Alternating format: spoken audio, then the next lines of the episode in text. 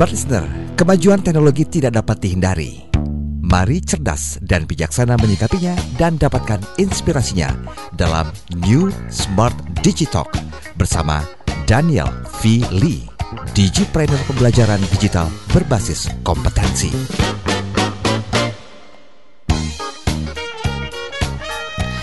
Ada sebuah lagu yang mengatakan eh, aku masih seperti yang dulu. Terus tapi kan ada sambungannya, menunggumu ya uh, sampai akhir hidupku. Ih, kasihan banget pekerjaannya hanya menunggu gitu ya. Sementara kalau saya di posisi itu saya nggak mau menunggu karena saya paling tidak suka menunggu. Selamat malam semua listener ini juga sahabat yang bergabung. Dulu sekarang gitu ya, apa yang berubah dari diri Anda ya, uh, dari lingkungan Anda terutama dipengaruhi oleh karena ya, oleh karena teknologi. Nah, uh, Smart Listener saya bersama-sama dengan Pak Daniel. Selamat malam Pak Daniel. Selamat malam Ola. Selamat Congratulations loh. Hari ini berhasil dapetin sertifikasi ya. To Kelihatannya be, seperti itu. Ilmunya be, nambah. Ya, to be uh, next coaches ya. Eh, next. I hope so. Ya, coaches ya. Uh, co coaching hari ini tuh sertifikasi hari ini tuh sebenarnya sesuatu yang mm -hmm. uh, melengkapi my life purpose gitu ya. Mm -hmm bagaimana membawa seseorang tuh untuk hidup lebih baik dan lebih berkualitas. Kayaknya aku dengan juga menggali makna, makna diri dan masing -masing. potensi ya. Dan hari mm-hmm. ini walaupun full day itu cukup melelahkan, mm-hmm. tapi sangat menarik seperti mm-hmm. itu. Okay. Dan kalau tadi Ola bilang tentang lagu aku masih seperti yang dulu dan okay. tidak berubah, menariknya okay. dia menyadari bahwa dia tidak berubah. Iya, iya, iya. Nah, aware, hari ini aware, aware terbalik nih. Uh -uh. Kok udah berubah ya? Hmm, nah, nggak sadar. sadar tuh, penting tuh berarti yeah, kan. Yeah, yeah. Itu yang mungkin kalau kita rasakan kalau kita misalkan melewati sebuah tempat begitu ya. Eh, loh, kok, kok udah ini? berubah ya? Kok ini ada ini? Loh, yeah, betul. loh, loh, loh gitu ya. Hmm. Atau kemudian setelah berkaca loh, aku aku mau kayak begini sekarang yeah. gitu ya. Uh, terutama saya sih belakangan ini nih dalam mungkin sebulanan ini gitu ya setiap kali berjumpa sama orang nih maaf ini bukan humble bragging gitu ya.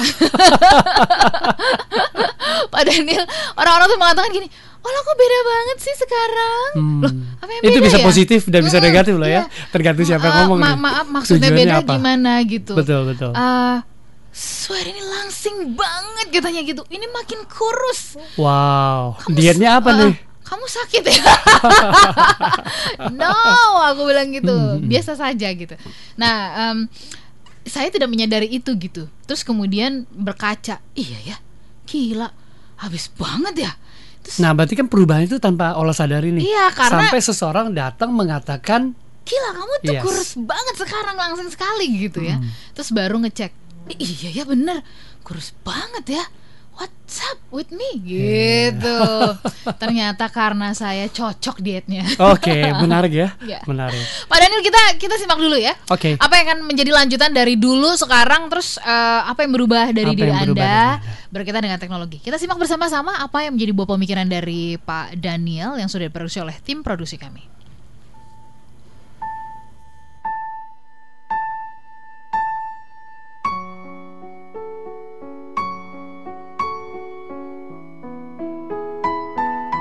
Dahulu dan sekarang. Sudah pasti banyak yang berubah. Namun dengan perkembangan teknologi saat ini, perubahan yang ditimbulkan adalah sampai dengan perubahan perilaku manusianya. Sadarkah kita akan perubahan tersebut? Dahulu kita berkumpul bersama-sama dan masih bisa bermain layang-layang. Dan sekarang semua berkumpul untuk bermain game. Apa yang hilang dari perubahan tersebut? Dahulu kita berkumpul untuk makan bersama dengan keluarga dan menikmati setiap makanan dan perbincangan kita di atas meja makan. Sekarang, setiap kita sibuk dengan gadget di tangan ketika kita sedang berkumpul untuk makan. Masihkah kita merindukan hal tersebut? Digitalisasi yang mengglobal saat ini telah merubah perilaku kita. Digitalisasi yang mengglobal ini telah merubah cara hidup dan cara kita bersosialisasi.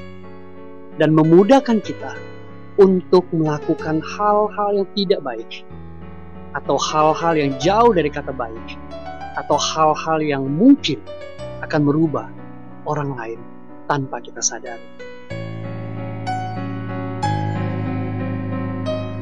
Kita akan kehilangan makna sebagai manusia sejati apabila kita tidak menyadari akan perubahan yang ditimbulkan oleh digitalisasi yang mengglobal ini. Dahulu dan sekarang, sudah pasti banyak yang berubah. Namun dengan perkembangan teknologi saat ini, biarlah kita menyadari perubahan itu memang perlu membuat kita lebih baik, membuat kita untuk memudahkan kita melakukan segala sesuatu. Ayo kita sadari dan ayo kita menjadi manusia yang bersosialisasi, cerdas, dan berkualitas.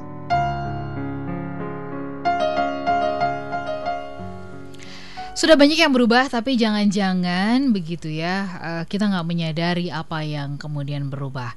Nah, uh, smart listener dan juga sahabat yang bergabung, bisa jadi uh, soal dulu sekarang apa yang berubah? Nanti Anda boleh share kita bikin polling ya kalau Anda sendiri apa yang berubah di dalam kehidupan Anda.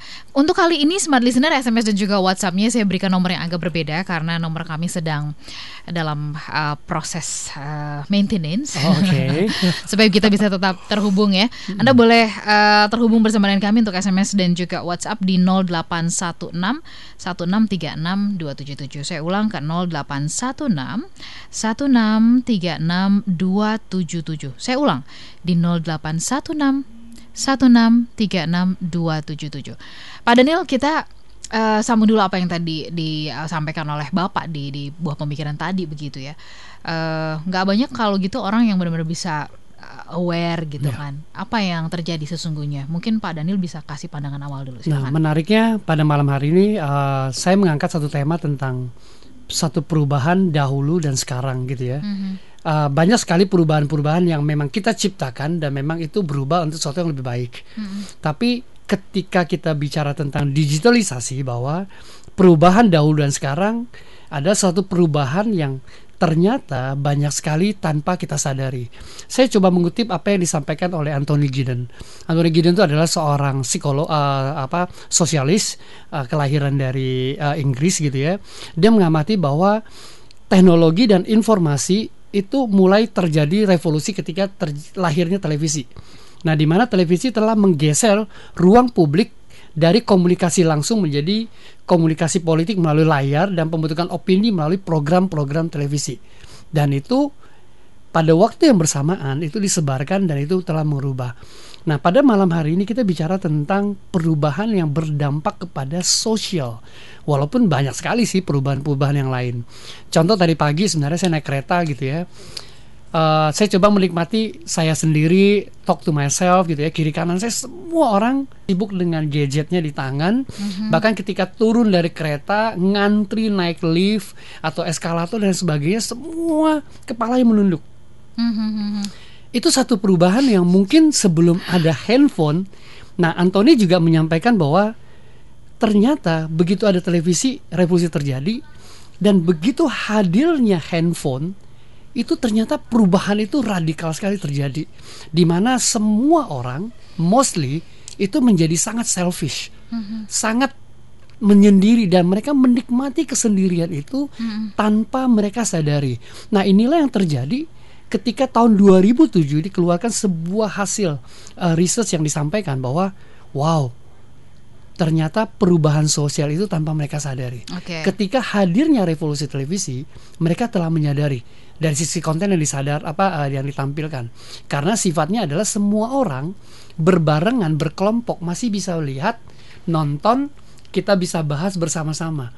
Tapi ketika udah masuk perubahan generasi, handphone mm-hmm, di mana mm-hmm. setiap orang punya layarnya masing-masing. Okay. Ternyata perubahan itulah yang sangat luar biasa terjadi. Mm. Sehingga mau dikatakan bahwa setiap orang tuh mulai egois, selfish okay. dan menyendiri dan mereka menikmati itu mm-hmm. dan tanpa mereka sadari mm-hmm. mereka telah berubah. Hmm. Ada beberapa cuplikan yang kami sampaikan di dalam Instagramnya kita itu teman-teman bisa lihat tuh. Hmm. Itu perubahan itu lumayan radikal. Oke. Kayak gitu. Baik, baik.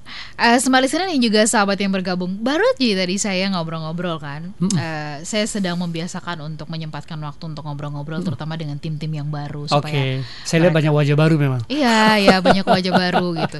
Dan dia mengatakan setelah saya bercerita panjang lebar, terus pertanyaan dia ke saya, hmm, saya nggak kaget pertanyaan itu muncul gitu.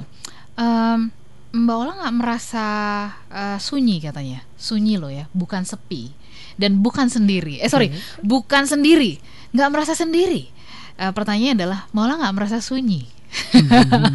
Oke. Oke, nah smart listener, em, saya merasa bahwa dengan segala kesibukan pekerjaan dan sebagainya, eh, I'm very happy and enjoy gitu. Jadi kalau nggak kerja justru stres gitu kan.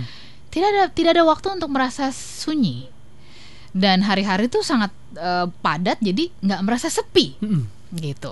Ya bahwa sometimes kalau semua sudah selesai lalu kemudian sunyi itu sebenarnya kesempatan untuk kemudian self talk gitu. Nah, Self talk. Oh, sa- sadar untuk self. Tadi kan kalau yang disampaikan oleh Pak Daniel adalah karena orang-orang eh, memilih untuk eh, sendiri itu tadi itu karena kayak tidak mau dengan apa yang terjadi di sekian kira-kira kayak gitu ya. Eh, jadi generasi menunduk semuanya. Betul. Nah, saya coba kutip ya apa yang disampaikan Ola adalah oke mereka memilih untuk menjadi pertanyaannya benar nggak ketika teman-teman ketika termasuk saya gitu ya memegang handphone sedang meniru apa yang ada di smartphone kita benar nggak kita memilih memilih itu kan sebuah kata aktif Mm-mm. kita melakukan dengan kita sadari Oke. menurut saya dari riset yang pernah disampaikan juga gitu ya bahwa kebanyakan kita tanpa menyadari bahwa kita ditarik Mm-mm. untuk masuk ke dalam tanpa kita memilih dan kita udah menjadi bagian itu sendiri. Oke. Nah, di sinilah yang disebut dengan perubahan digital telah mendrive orang untuk menjadi digital itu sendiri Mhm. atau teknologi itu sendiri tanpa Oke. mereka sadari. Tanpa disadari ya. Iya, jadi memilih bukan. Memilih. Smart listener kami jeda sesaat tetap bersama kami. Oke. Tetaplah bersama kami. New Smart Digitalk bersama Daniel Fili.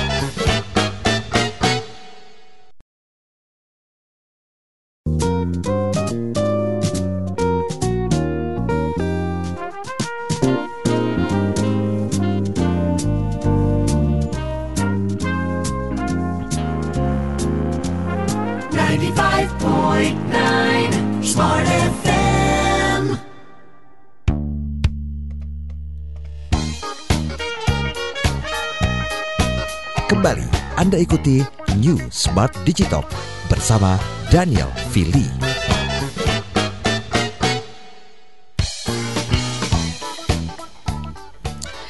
Smart listener dan juga sahabat yang bergabung bersama dengan kami Kami sambung perbincangannya di kesempatan malam hari ini Dulu sekarang ya Apa yang berubah dari diri Anda, lingkungan Anda Anda boleh share eh, bersama-sama dengan Pak Daniel eh, malam hari ini. Oh ya sekalian eh, kasih tahu juga ya, mulai minggu depan Pak Daniel akan ditemani oleh eh, tim host kami yang lain. Jadi saya juga pamit dari Smart Digital. Thank you banget loh, saya hampir tiga bulan. thank you loh. banget dong. Tiga bulan mendampingi di dan Jangan-jangan berbagi cerita. nih. Ah, jangan bosen nih. Enggak, Enggak saya ya? mah ih gila Pak Daniel.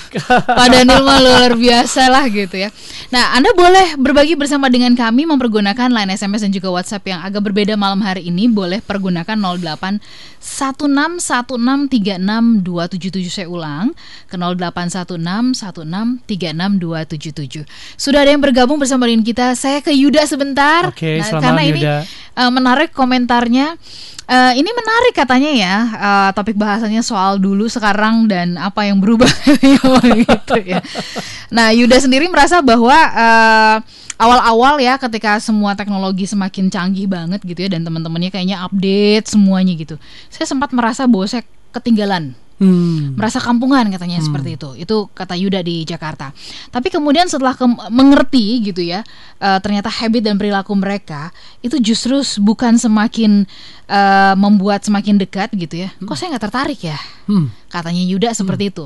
Terus terang saya hanya punya satu buah smartphone terus kemudian eh, sosial media itu hanya berkaitan dengan urusan pekerjaan Yes. Yes. Dan sampai sekarang masih rutin kongko sama teman-teman SMA meskipun sekarang semuanya sudah uh, berkeluarga dan Hmm, punya kesibukan. Minimal pokoknya sebulan atau dua bulan sekali kita pasti kumpul katanya begitu. Pak Nah. Daniel, mulai boleh dikomentarin. Nah, thank you banget nih. Ini Yuda memberikan satu contoh yang sangat menarik. Saya applause karena Yuda mulai tahu kapan menggunakan waktu, kapan menggunakan handphone dan tujuan itu apa. Itu yang saya sebut dengan memilih tadi kata aktif bahwa dia tahu gunanya seperti apa. Oke. Salah satu yang dikomentar di dalam uh, live saya juga dikatakan bahwa Oke. saya kalau ngumpul sama teman-teman nggak boleh pegang handphone. Mhm. Ada yang pegang handphone denda seratus ribu. Waduh. Wow, ini keren banget, keren banget gitu Itu. kan. Ini yang ditulis langsung. Mm-mm. Nah, saya nggak terlalu jelas baca namanya, tapi uh, ketika kita menyadari, jadi hari ini topik saya itu sebenarnya ingin nyadarin kita bahwa apakah anda di drive jadi follower atau anda tahu persis nih apa yang anda harus lakukan. Nah, keseluruhan tema tentang New Smart Digitalk ini adalah untuk kembali menyadarkan kita bahwa kita tuh punya social life. Itu penting banget gitu. Tapi kecuali ya, kecuali teman-teman atau Bapak Ibu atau pendengar semuanya adalah Oke. orang yang memang kerjaannya terkait dengan your smartphone. Mhm. Tapi mostly kan enggak gitu. Oke. Ini ini pengamatan dari mata saya langsung kok. Oke. Kita ngecek Instagram orang, eh dia pakai bajunya seperti apa, kita follow terus tuh, kepoin orang dan lain sebagainya. Teman-teman, setiap orang tuh Tuhan memberikan 24 jam kepada kita. Sayang banget loh. Coba teman-teman hitung. Hari ini deh sebagai renungan kita sebelum kita pergi ke tempat tidur dan tidur. Berapa banyak waktu yang kita pakai untuk produktivitas kita dan apa yang kita bawa pulang untuk kita syukuri hari ini ya saya telah setelah menggunakan waktu yang Tuhan berikan kepada saya dari pagi sampai sore sore malam hari ini untuk sesuatu yang sangat berguna. Atau jangan-jangan ya ampun saya cuma ngecek Instagram orang sibuk ngeposting forward share sesuatu yang terus saya ngapain ya seharian? Jangan-jangan anak saya terbengkalai, suami atau istri saya terbengkalai, atau banyak pekerja- pekerjaan yang kemarin numpuk hari ini tambah numpuk gitu kan ya. Harusnya saya hari ini bisa spend waktu sama orang tua dan sebagainya. Dan ternyata udah jam segini Mhm. belum ngapa-ngapain. Tiba-tiba. Kali- "Loh, nah, ini sudah. Oke. Oke, itu berarti kita tidak menyadari bahwa perubahan itu terjadi loh. Hmm. Uh, teman-teman buat orang tua kita, terutama bagi mereka yang kolonial, bukan milenials gitu ya, orang-orang yang mungkin tidak punya handphone atau punya handphone sangat terbatas gitu ya, orang-orang tersebut itu adalah orang-orang yang sebenarnya sangat tahu dan menyadari bahwa dia berubah, Hmm. dia udah mulai nggak perhatian. Oke. Dulu sebelum dibeliin handphone kita masih ngobrol. Tadi waktu offline olah cerita ya ngobrol Hmm, sama teman-teman. Tapi begitu ada handphone, oh iya, oke, udah belum. Semua jawaban singkat, padat, jelas. Hmm, Tapi ketika berinteraksi di media sosial, wah komennya panjang lebar. Hmm. Dan itu mungkin someone atau somebody yang nggak terlalu meaningful in your life. Hmm. But somebody yang talk to you at that time adalah somebody yang memang punya value dalam seluruh hidup kita. Hmm. Nah, itulah perubahan-perubahan yang harusnya kita angkat dan menyadarkan kita bahwa yuk kita menyadari bahwa kita berubah tuh untuk berubah sesuatu yang untuk lebih baik dan kita tahu Oke. itu kalau Saya punya sahabat yang sampai sekarang eh, dia adalah sahabat terbaik saya gitu ya. Hmm, Dan dua eh, putranya, putra dan putrinya itu juga menjadi sahabat saya. Ya. Oke. Eh, jadi kalau kalau saya datang ke rumahnya dan kita janjian misal kamu nonton gitu ya, mereka melonjak kegirangan entah apa gitu se- Hmm. se- senangnya sampai sebegitu. Tapi kami atau janjian makan gitu. Ya. Dan itu bener-bener kayak kesepakatan yang cuma sekali diomongin gitu ya. Ya. Pada saat di meja makan dan dan kita nonton itu no handphone. ya Jadi kita tuh bener-bener yang berinteraksi, bener-bener yang cubit-cubitan, bener-bener yang cerita tentang eh, pacar-pacarnya Ya. dia gitu. Bicara tentang pacar-pacar eh saya, pacar-pacar saya tuh jadinya. Nah, itu seru tuh. Dan ibunya merasa bahwa ih kok jadi obrolan ini obrolan inilah yang kemudian membuat saya dengan mereka tuh sangat lekat sekali. kelihatannya simple ya obrolan pembicaraan seperti itu sebenarnya secara tidak langsung teman-teman telah mengikatkan sebuah emosi Mhm. sebuah uh, getaran apa uh, sosial uh, life-nya kita satu dengan yang lain itu uh, tergerak tuh. Itu itu punya hubungan, punya kita sebut dengan getaran-getaran jiwa gitu ya satu dengan yang terkonek. Apalagi kita punya eye contact, kita put attention dan telinga kita mendengar, kemudian kita uh, mengkomunikasikan discuss itu luar biasa sekali. Dan di dalam insert yang tadi saya sampaikan bahwa kita masih merindukan itu atau enggak sih sebenarnya. Nah, itu yang hilang. Ternyata ketika kita komunikasi dengan gadget, dengan media sosial yang ada gitu ya, enggak salah sebenarnya teman-teman. Itu enggak salah. Tapi kita sadar nggak sih bahwa itu telah banyak mengambil semua ruang waktu kita, emosi kita yang tadinya kita butuh interaksi dengan yang lain, our social. Oke. Tapi kalau kita sadar, yuk kita perhatikan untuk lebih baik lagi Oke. seperti itu. Bapak Ibu dan smart listener yang mungkin baru saja bergabung, mungkin Anda bertanya-tanya ini temanya tentang apa sih lagi yang bahas apa sih gitu ya. Kami tentang tentu saja di Smart Digitalk ini membahas mengenai hal-hal yang terus mengingatkan kita untuk menjadi manusia yang lebih jadi manusia lah, to be human being gitu. Ya. Malam ini kita membahas mengenai dulu, sekarang, dahulu, sekarang gitu ya. Apa yang berubah dari diri Anda berkaitan atau eh, dipengaruhi oleh teknologi ya? Apakah kemudian Anda menjadi lebih eh, sangat eh, attention dengan informasi misalnya? Ya. Atau Anda menjadi sangat yang eh, update teknologi gitu ya. Kalau ada gadget terbaru atau apa itu pasti jadi bahan perbincangan gitu. Ya. Atau Anda menjadi orang yang paling kepo. Ya. Misalnya gitu ya, suka stalking, Facebook, Twitter, Instagram dan kemudian ternyata Anda tidak sadar itu udah menghabiskan waktu, Ya. nggak sempat balas email, nggak sempat apa Ya. gitu. Sesuatu yang relatif ke kerjaan yang Iya, harusnya Anda iya. kerjakan, Mm-mm. tapi malah tidak dikerjakan. Malah tidak dikerjakan. Nah, eh, selain Yuda sudah ada yang bergabung bersama dengan kita melalui SMS dan juga WhatsApp-nya bisa Anda pergunakan di 0816 1636277. Saya ulang di 0816 1636277. Oke. Saya mau ke eh, oke, ini ada pertanyaan ini ada komentar dari eh, Nina ya. Oke. Nina Haryani yang bergabung bersama dengan kita dari Surabaya. Selamat malam Nina. Selamat malam uh, Pak Daniel. Nah, menurutnya sebenarnya kalau perubahan ini ke arah yang bagus itu tentu saja baik ya. Misalkan kayak anak saya sekarang kalau di sekolah itu pasti kalau update pelajaran itu melalui gadget gitu ya, cari bahan dan sebagainya. Yang suka kesel itu adalah suami katanya begitu ya. Sekarang tuh main kunci-kuncian. Ya. Oke, ada gadget password ya? Ada Oke, password. saya no comment deh kalau itu. Seolah-olah kayaknya ada yang sangat disembunyikan. Padahal kalau misalkan tidak ada yang disembunyikan kan fine-fine aja, nggak perlu takut akan terlihat dan sebagainya.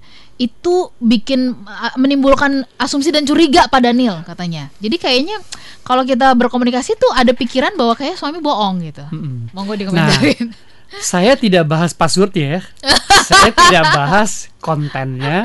Tapi yang saya mau bahas Alright. adalah uh, istri merasakan sebuah perubahan yang ditimbulkan oleh perilaku sang suami. Mhm, Sebenarnya perubahan ini saya saya kategori dua tingkat nih. mhm, Berubah karena dia selalu sering bergaul dengan gadgetnya dibanding istrinya. Yang kedua adalah kok udah mulai di lock ya. mhm. Nah, ini udah beyond dari perubahan perilaku, tapi udah taruh sampai kepada sebuah kecurigaan, sebuah judgment. Nah, ini bahaya sekali. Ini ujungnya bisa terjadi konflik keluarga nih. Kayak gitu. Kenapa? Karena gini, ini kan main assumption ya. Apakah selalu sesuatu yang dikunci itu salah? Oke. Enggak juga gitu. Mhm. Tapi karena dasarnya udah curiga, jadi udah salah aja kayak gitu kan. Nah, selama kita membangun harmonisasi komunikasi tatap muka, ada emosi yang jalan gitu ya. Terus ketika kita makan, kita duduk dengan pasangan kita dan sebagainya, perhatian itu menjadi penting banget seperti itu. Mhm. Dan kesadaran kita bahwa ada orang loh di depan kita, ada orang loh yang membutuhkan perhatian kita, itu menjadi penting sekali. Jadi ketika Nina menanyakan hal itu, mengkomentari hal itu, ada bagian privacy yang saya tidak akan komen, tapi yang saya mau sampaikan adalah perubahan ini udah terjadi loh. Hmm. Kita sadar nggak sih? Nah pada malam hari ini tema kita tuh bukan untuk judgement bahwa ini benar dan salah, tapi saya lebih ngangkat bahwa eh sadar dong. Ketika kita sadar, kita udah mulai tahu nih membedakan antara yang penting dan yang sangat penting. Apa yang harus kita lakukan? Selama tujuannya sangat jelas, kita megang gadget, kita bergaul dengan teknologi dan perubahan itu, itu semua fine-fine aja sebenarnya. Kayak gitu. Mhm. Mhm. Oke. Uh, kuncinya adalah sebuah kesadaran ya. Sebuah kesadaran. Kita sambung nanti. Smart listener, untung rugi eh sorry kok untung rugi. Dahulu sekarang, Sekarang, ya uh, yang berdasarkan apa yang berubah dari teknologi dan mungkin Anda bisa sharing juga untungnya itu apa. Hmm, ada Ya. sisi positif Ada negatifnya. ada positifnya, ada seperti itu. ada negatifnya. Anda itu juga bisa share ke kami. Silakan di 0812 11 12 959. Kami jeda sesaat. Oke. Kami, New Smart Digital bersama Daniel Fili.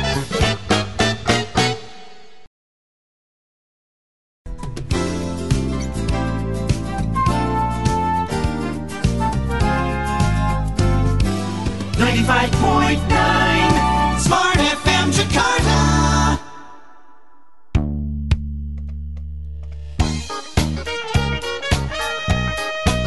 Kembali Anda ikuti New Smart Digital bersama Daniel Fili.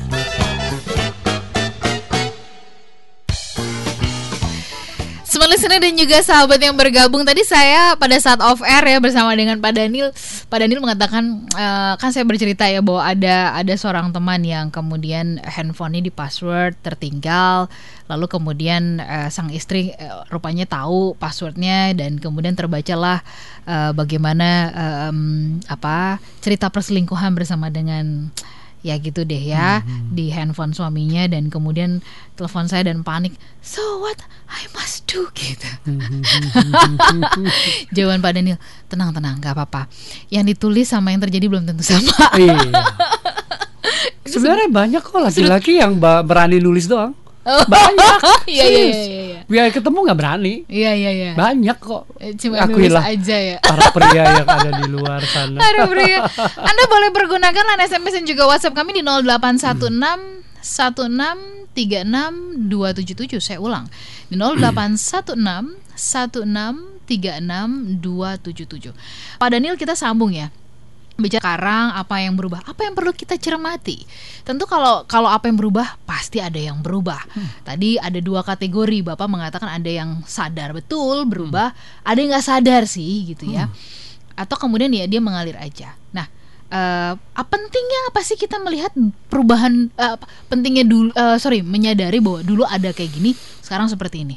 Nah, ke- kalau saya menyampaikan tujuan ujungnya adalah sebenarnya eh, kalau buat teman-teman yang suka baca gitu ya, eh, sekarang tuh lagi heboh tentang iluminasi sebenarnya. Satu perubahan yang tanpa kita sadari bahwa itu akan menghapus jati diri kita sebagai manusia sebenarnya. Kita lihat banyak sekali anak-anak remaja gitu ya yang moodnya itu ditentukan like, share ataupun komen dari followernya. Jadi kalau dia nggak dapat likes, kalau dia nggak dapat share gitu ya, atau komen dari followernya, itu dia bisa gunda-gulana tuh. Nah itu sebuah ciri akan pelan-pelan terjadi bahwa dia tidak lagi mencari jati dirinya, tapi jati dirinya tuh semua ada di dalam media sosial mereka seperti itu. Nah beberapa waktu yang lalu kita bahas kan seorang anak yang ada di Sarawak di Kalimantan gitu ya, dia menentukan untuk meneruskan hidup dia atau enggak itu based on comment dari para followernya. Akhirnya follower mengatakan ya udah, you mati aja. Eh bener loh, dia bunuh diri. Bisa bayangan nggak? Nah tadi sore setelah saya kelas sertifikasi selesai gitu ya, saya diskus dengan beberapa teman untuk satu satu satu satu acara di bulan Desember nanti sebenarnya kita bahas tentang apa perbedaan antara educating, training, and learning. Educating itu kita bicara tentang hal-hal yang sangat fundamental yaitu apa yang kita equip, knowledge apa yang kita dapetin. Kalau training kita membangun sebuah skillnya kita. Nah pembelajaran atau learning inilah yang sebenarnya menjadi penting. Nah di Indonesia terus terang kita masih tahap apa sih sebenarnya? Mostly kita masih tahap educating. Belum tahap training, apalagi pembelajaran gitu. Nah, pembelajaran inilah pada malam ini yang saya mau ngajak kita bahwa perubahan itu membawa sebuah pembelajaran buat kita untuk kita bisa mengenal diri kita lebih baik. Kenapa? Sejatinya manusialah yang menciptakan segala sesuatu yang ada di muka bumi ini. Ya kan? Karena Tuhan menciptakan kita, membedakan kita dengan dua makhluk hidup yang lainnya, yaitu tumbuh-tumbuhan yang paling rendah, dia bernafas, dia tidak bisa berbicara, dia tidak punya akal budi. Lalu binatang, dia bernafas, dia bisa mengeluarkan suara, dia tidak punya akal budi. Manusia bernafas, bisa mengeluarkan suara dan punya akal budi dan dia bisa menentukan dan dia punya free will untuk melakukan apa pun. Mhm. Nah, teknologi ini diciptakan oleh manusia yang punya free will tadi. Oke. Sehingga waktu diciptakan mungkin ya para profesor gitu kalau kita nonton film-film yang canggih, ops kenapa dipakai buat ini ya? Wah, gue nggak kepikiran tuh. Mhm. Ya, kenapa ya, ya. bisa jadi kayak gini kan? Ya. Nah, akhirnya itu menjadi sebuah fireback untuk ngelawan Diri kita sendiri. Mm-mm. manusia. Dan problem yang utamanya adalah melawan kepada anak-anak cucu-cucu kita. Nah, pada saat ini dengan perkembangan teknologi saat yang sangat pesat, automation, robotik dan lain sebagainya. Minggu lalu kita bicara tentang manusia melawan mesin dan lain sebagainya. Coba bayangkan teman-teman lima tahun kemudian apa peran kita sebagai manusia kalau pendidikan karakter, kalau perubahan yang tadi Ola bilang ini generasi bungkuk konten, kalau dia tidak dibekali jati diri yang baik, di Jepang misalnya, ada orang bisa nikah sama robot. Mm-mm. Ada orang pernikahan yang tadinya sakral, itu pendetanya adalah robot. Robot. Itu mereka lakukan dengan sangat luar biasa kayak gitu. Iya. Nah, ini akan hilang. Ini udah terjadi tanpa kita sadari. Karena itu dilakukan dengan pelan-pelan. Pelan-pelan dan kemudian kita tidak menyadari sehingga kemudian kerja otak pun tidak maksimal. Yes. Nah, ini menarik karena tadi pagi juga eh, di dalam eh, apa namanya eh, salah satu talk show gitu ya Dengan bicara Pak mengenai ya simplicity begitu kan. Eh, kita membahas ba- bahwa eh, justru kadang-kadang hal-hal yang apa ya, manusia suka bikin rumit itu sebenarnya bisa kita pahami dengan sangat sederhana asal kita bisa mempergunakan atau kita mau mempergunakan otak kita secara maksimal Ya. begitu. Nah, eh, yang terjadi adalah kalau sekarang ini kita tuh kayak nggak membaca dengan seksama gitu ya apa yang kita terima sehingga kemudian udah langsung viral aja viral Ya, viral ya. viral hoax hoax juga dimakan Betul, gitu. nah. Itu yang terjadi kemudian dimakan ada de akhirnya demo ya karena merasa bahwa ini perlu membela keadilan Ya. ya banyak kejadian kayak gitu Menarik. Eh, ini menarik nih. Eh, saya juga mau menyikapi sedikit tentang demo beberapa waktu yang lalu. Ada dua sih. Mhm. Yang yang lucunya adalah kemarin kayak dibahas deh sama eh, yang hari Kamis ya. Mhm. Uh, demo sekarang lucu ya kalau dulu kan kita tegas tulisan-tulisannya gitu kan ya Uh, jangan bunuh KPK gitu ya tapi Iya, bunuhlah iya. mantan saya gitu kan Iya. tulisan-tulisan kayak eh, udah milenials banget tuh kayak Ah, gitu ah, ah. tapi yang kedua yang saya mau bahas adalah benar Ola semangat kita untuk membaca untuk mengerti sesuatu dengan lebih baik dan mendalam itu udah berkurang satu orang-orang Indonesia tuh malas baca apalagi sampai ngerti kayak gitu kan ya untuk baca banyak. Nah kemarin saya dengar ada satu uh, uh, uh, siaran ulang dari ILC gitu ya apa yang disampaikan oleh Jasola Loli bahwa eh adik-adik yuk baca dulu semuanya gitu loh pahami dan lain sebagainya kayak baru kita bisa menyampaikan pendapat. Nah kalau kita Gemes lihat deh. bahkan anak-anak SMA Mhm. yang nggak ngerti apa-apa maaf ya saya lihat viral yang memang disiarkan langsung itu dari sumber yang bisa dipercaya kata-katanya buat saya nggak pantas sampai saya ngobrol dengan satu rekan saya di kantor saya bilang "Eh, namanya Mas Eji Ji bisa bayangin ya kalau generasi kita saat ini yang ukuran SMA mengeluarkan kata-kata seperti itu 20 tahun lagi negara kita akan jadi negara apa Mhm. bayangkan nggak Ya. Nah, kalau kita lihat anak remaja atau anak SMA melakukan hal-hal seperti itu gitu ya, pertanyaannya dua, ke gerung orang tua di rumah, kita sadar nggak sih? Mhm. Ketika kita menyodorkan handphone, smartphone, kita membelikan ke itu ke mereka dan mereka punya akses terhadap semua konten yang ada, Mhm, itu mhm, menentukan bagaimana mereka hidup, bagaimana mereka bersikap, bagaimana mereka bersosialisasi. uh, sosialisasi. Lalu yang kedua, bagaimana peran kita sebagai pendidik guru di sekolah untuk melengkapi mereka dari sisi pendidikan karakter dan sebagainya. Nah ini yang menjadi perhatian saya, ini yang menjadi uh, tanggung jawab saya bahwa ini harus disadarin sih dari sekarang sebelum terlanjur lebih jauh seperti itu, Mhm. ya kan? Oke. Itu ala. Baik, jadi eh, make sense ya kalau seandainya kemudian eh, ya seperti eh, saya dengan tim eh, ada program smart character gitu ya tahun depan ini Pak Daniel mudah-mudahan Pak Daniel juga bisa ikut berpartisipasi Boleh mendukung tuh. melalui dari berkaitan dengan digitoknya gitu ya Eh, kita akan eh, goes to campus Ya. Oh ya, saya dengar tuh. Ya, saya dengar dan character itu penting banget loh, itu penting Hmm. banget. Saya sangat mendukung tentang smart karakter. Saya juga ngikutin beberapa siar apa kontennya Hmm. dan itu sangat dibutuhkan sih. Itu sangat dibutuhkan. Oke.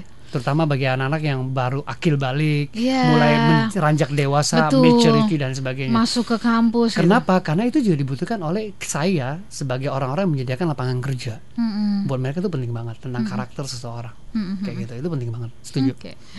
Baik, kita masih punya kesempatan di di sesi berikutnya. Silakan lo ya, Anda boleh pergunakan satu sesi yang terakhir ini Boleh terakhir untuk aja, iya, heeh, untuk bisa bergabung dan eh, kemudian buat Anda saya mengingatkan Anda karena kemudian ini eh, line SMS kami sering kali bermasalah kalau ada di antara Anda yang ingin mendaftar untuk acara kami di SBO, Anda boleh pergunakan eh, line di 0812111299 tapi untuk WhatsApp-nya. Dan kemudian Anda juga bisa pergunakan malam hari ini untuk berbincang bersama dengan kami. Itu Anda bisa hubung eh, atau SMS WhatsApp ke 0816 1636 277 0816 1636 277. Tetaplah bersama kami. New Smart Digitalk bersama Daniel Fili.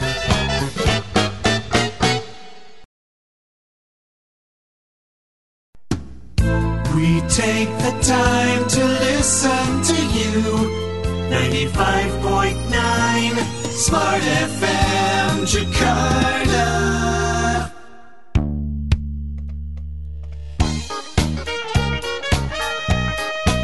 Kembali Anda ikuti New Smart Digitalk bersama Daniel Fili.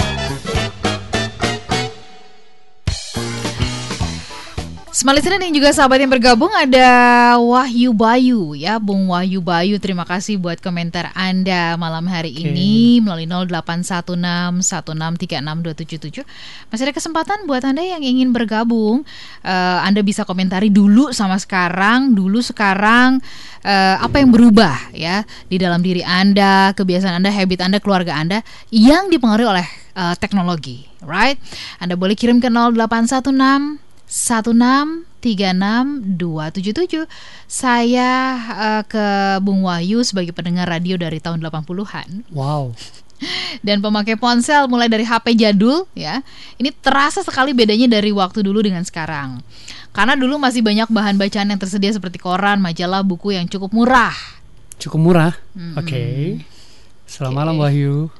Karena dasarnya ada jadi pembicaraan juga jadi enak katanya begitu ya. Kalau sekarang bacaan tuh dilewati, tahu-tahu sudah pegang smartphone. Mm-mm. Nah, ya begitulah kekuatan kapitalis. Yang kuatlah yang berjaya. Is it true ini karena kekuatan kapitalis or seperti apa? Pak Daniel punya pandangan silakan di Oke, komentar. terima kasih Wahyu. Sepertinya kita satu angkatan ya, kalau 80-an kayak gitu ya. Saya ngalamin, saya ngalamin dari tidak ada handphone menjadi ada handphone. Saya 80-an tuh masih merangkak ya. Udah ketahuan ya umurnya kayak gitu. Silakan. Ah, menariknya adalah sebenarnya secara penyediaan library, konten dan sebagainya itu tidak ada perubahan kok. Jadi kalau kita masih suka ngunjungin toko buku, masih banyak kok buku yang di launch. Saya masih banyak teman-teman yang menulis buku dan sebagainya dan still produktif kayak gitu. Pertanyaannya adalah generasi tahun 80-an, 90-an ke generasi sekarang, parentsnya, sekolahnya tidak menyiapkan mereka untuk menjadi generasi yang untuk suka membaca. Satu. Kedua, dengan hadirnya smartphone dan telepon biasa, kalau Wahyu ngalamin uh, GH77 Ericsson, kemudian Nokia, lalu pindah sekarang namanya smartphone, Oke. bukan handphone lagi ya, Iya, iya. smartphone. Berarti yang smart siapa? Phone-nya ya. Phone-nya, ya. Kenapa? Karena tiap hari, tiap detik dia mengelahirkan begitu banyak konten yang ada di tangan kita. Perbedaannya adalah dulu kita mesti melangkah untuk mencari konten itu melalui buku. Sekarang kita belum kita tidur pun dia udah nyiapin konten. Begitu melek konten itu udah ratusan, ribuan. Itulah yang membuat kita berubah begitu cepat untuk memilih, memilih, memilih dan akhirnya kita terlatih untuk tidak membaca keseluruhan, hanya membaca judul. Kenapa saya mengatakan seperti itu? Di dalam tim saya di Digima Asia, kita punya satu tim yang kita sebutkan instruction designer. Dia selalu melakukan profiling untuk learners. Salah satu kriteria yang menarik muncul adalah learner sekarang tuh ketika lihat headline yang panjang banget nggak dibaca sama dia, Hmm. skip.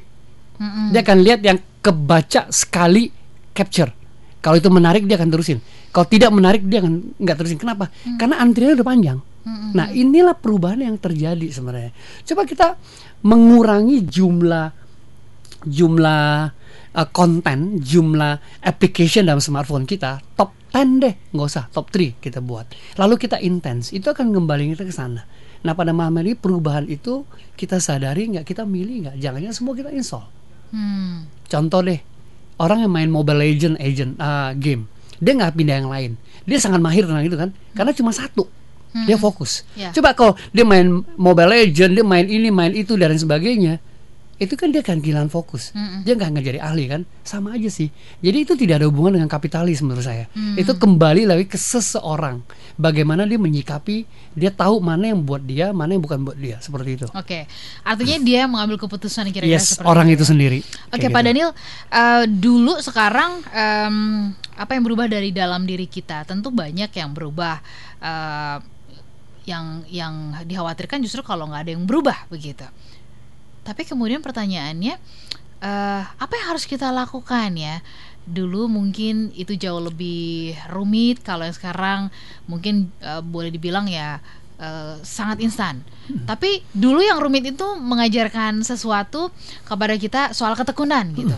Kalau yang sekarang kita mungkin nggak sabaran Ya. gitu ya. Nah, apa yang kemudian ini kan pasti semuanya ada sisi baik ada sisi ininya kan, positifnya gitu. Apa yang kita mesti lakukan? Oke, memang dulu kelihatannya semua kita mesti usaha. Sekarang juga sama kok. Hmm.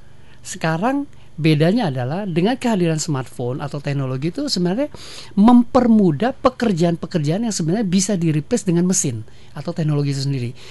Tetap kualitas kita sebagai manusia untuk mengerjakan pekerjaan yang tidak bisa dikerjakan oleh mesin. Itulah membedakan kita.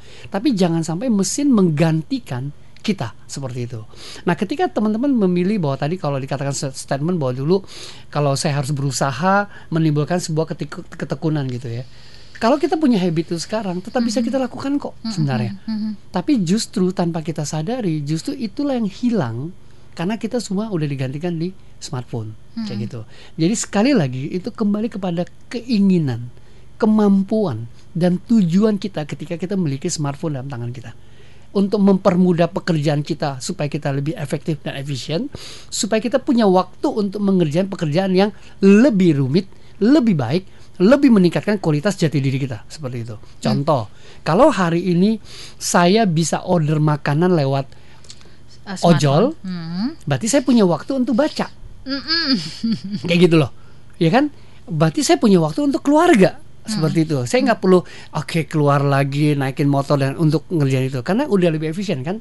Oke, kalau dulu saya susah sekali mencari obat tengah malam, dibantu untuk dapetin. Berarti saya bisa punya waktu yang lain. Tapi ketika itu mempermudah dan kita nggak punya waktu seperti itu, itulah yang menghilangkan semua yang tadi kita anggap punya value seperti itu. Nah, lambat laun itu telah terjadi perubahan dan kita di replace dan kita menjadi bagian dari teknologi itu sendiri seperti itu. Oke, Uh, Pak Daniel tadi uh, ada yang menarik tadi Pak Pak Daniel mengatakan soal itu meningkatkan kualitas jati diri kita. Yap. Maksudnya seperti apa? Apakah Bapak melihat bahwa saat ini uh, ya banyak kita atau banyak di, di antara kita yang kemudian justru memang nggak ngerti nih jati diri kita tuh apa begitu ya dan kualitasnya seperti apa? Oke, contoh ya, yang paling mudah dan yang paling eh, tidak kita lakukan. Saya karena saya suka ngikutin Pak Arfan gitu ya. Setiap kali kita bangun tidur, yang pertama kali kita lakukan tuh apa? Hmm. Nah, ini menjawab nih. Kalau tangan kiri atau tangan kita langsung ngerai handphone dan lihat sesuatu, kita tuh benar-benar di- ditarik untuk follow semua apa yang ditawarkan oleh si smartphone tadi. Tapi ketika kita bangun tidur lalu dan membuka kedua bola mata kita dan terima kasih Tuhan ada dua hal yang luar biasa Tuhan berikan yaitu mata kita kiri kita terbuka, mata kanan kita terbuka dan kita bisa melihat keindahan hari yang indah.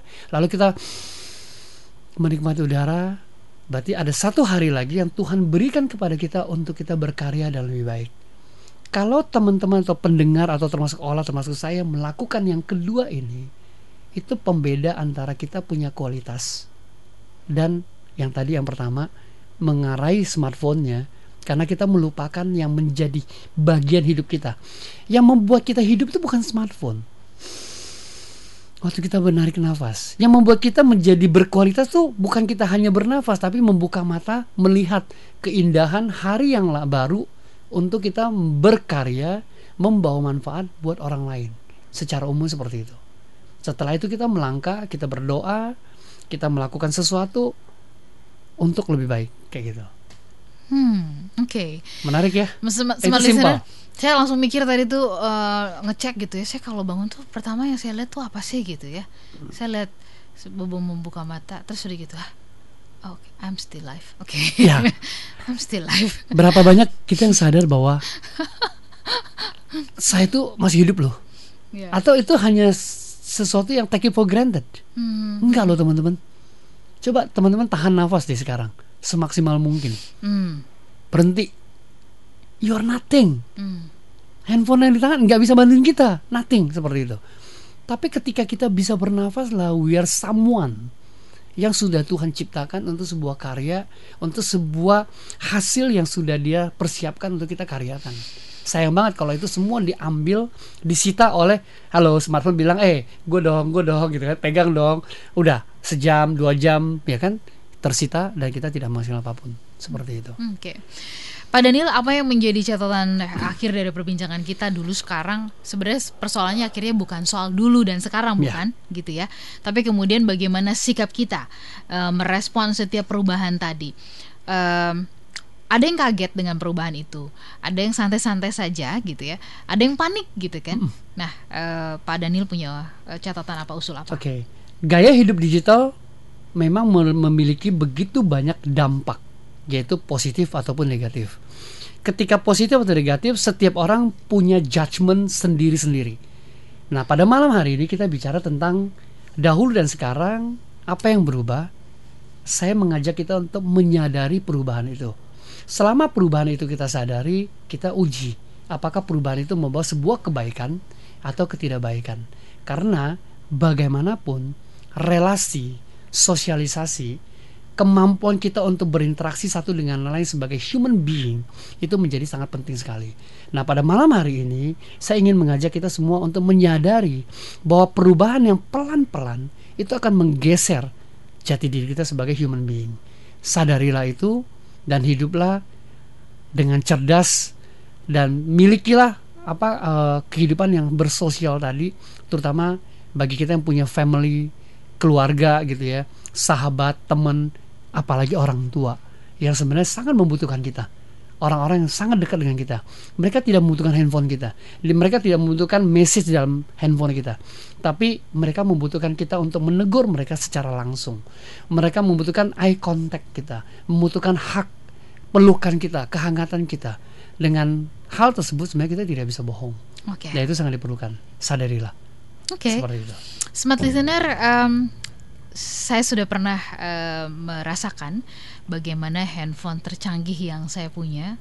Saya beli dengan susah payah pada saat itu, sekian eh, juta-juta lah gitu ya. Terus meletus ketika di charge gitu ya dan itu saya seperti sempat marah luar biasa gitu. Oh my god, ini kerjaan sem- oh itu kayak tapi finally ternyata handphone itu matinya handphone itu tuh mengajarkan saya banyak hal. Ya, untuk hidup lebih bersosialisasi. Eh, itu yang pertama gitu ya pekerjaan bukan segalanya handphone canggih ternyata em, ya finally bisa mati gitu ya. Ya. Tapi orang di depan anda itu butuh. ya.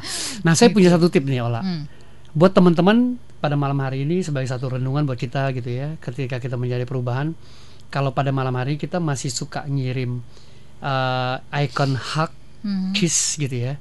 Ketika ada orang yang someone yang very special, you angkat telepon, make a phone call Hmm. dan talk ke orang tersebut dengan suara. Hmm. Atau kalau Anda mau pulang ke rumah, jangan dikirim dulu icon itu. Hmm. Pulang ke rumah, hak mereka dengan physically. Cium mereka dengan physically. Itu akan beda banget dan itu tidak akan pernah terbayarkan. Percaya sama saya, ketika Anda lakukan mungkin oke karena disuruh ya di dalam talk show malam ini, tapi orang yang ngerasain itu itu akan totally berbeda banget dan itu tidak akan pernah digantikan oleh apa pun. Itu. Oke. Terima kasih untuk tipsnya Pak Daniel Kayaknya setiap pertemuan berikutnya nanti harus ada tips deh Oh, oh oke, boleh, boleh, boleh. Jadi pada akhir ya, apa Tips- yang harus dilakukan? Tips to be human being. Yes. Ya. Oke, saya Wah, catat. keren, Saya keren, saya keren, catat. keren, Oke, keren, oke. keren. Oke, smart listener, kami pamit terima kasih buat kesempatannya di eh, malam hari ini dan minta maaf untuk hal-hal yang eh, kurang berkenan di hati Anda, begitu ya. Kita akan ketemu lagi pekan depan dan kemudian eh, don't worry karena Smart Digital akan terus menemani Anda. Ini yang mi- walaupun minggu depan nanti Pak Daniel bersama dengan eh, rekan saya, ya nggak apa-apa ya. Host Tapi- kondang lainnya. Host kondang lainnya gitu Oke, ya. bukan Sup- host kondangan ya? Ya, oh itu beda. Supaya saya bisa kondangan yang lainnya. Kami pamit. Pak Daniel, terima kasih sukses untuk Anda semuanya dan selamat beristirahat. Bapak juga ya, kita ketemu lagi pekan Iya, depan sukses ya. buat semuanya. Sip. Saya Ulan Nurlija. Saya Daniel Lis, Smart, Smart Digital Digital membangun manusia sosial cerdas berkualitas. Terima kasih. Anda baru saja mengikuti New Smart Digital. Inspirasi untuk cerdas dan bijaksana menyikapi kemajuan teknologi. Terima kasih dan sampai jumpa.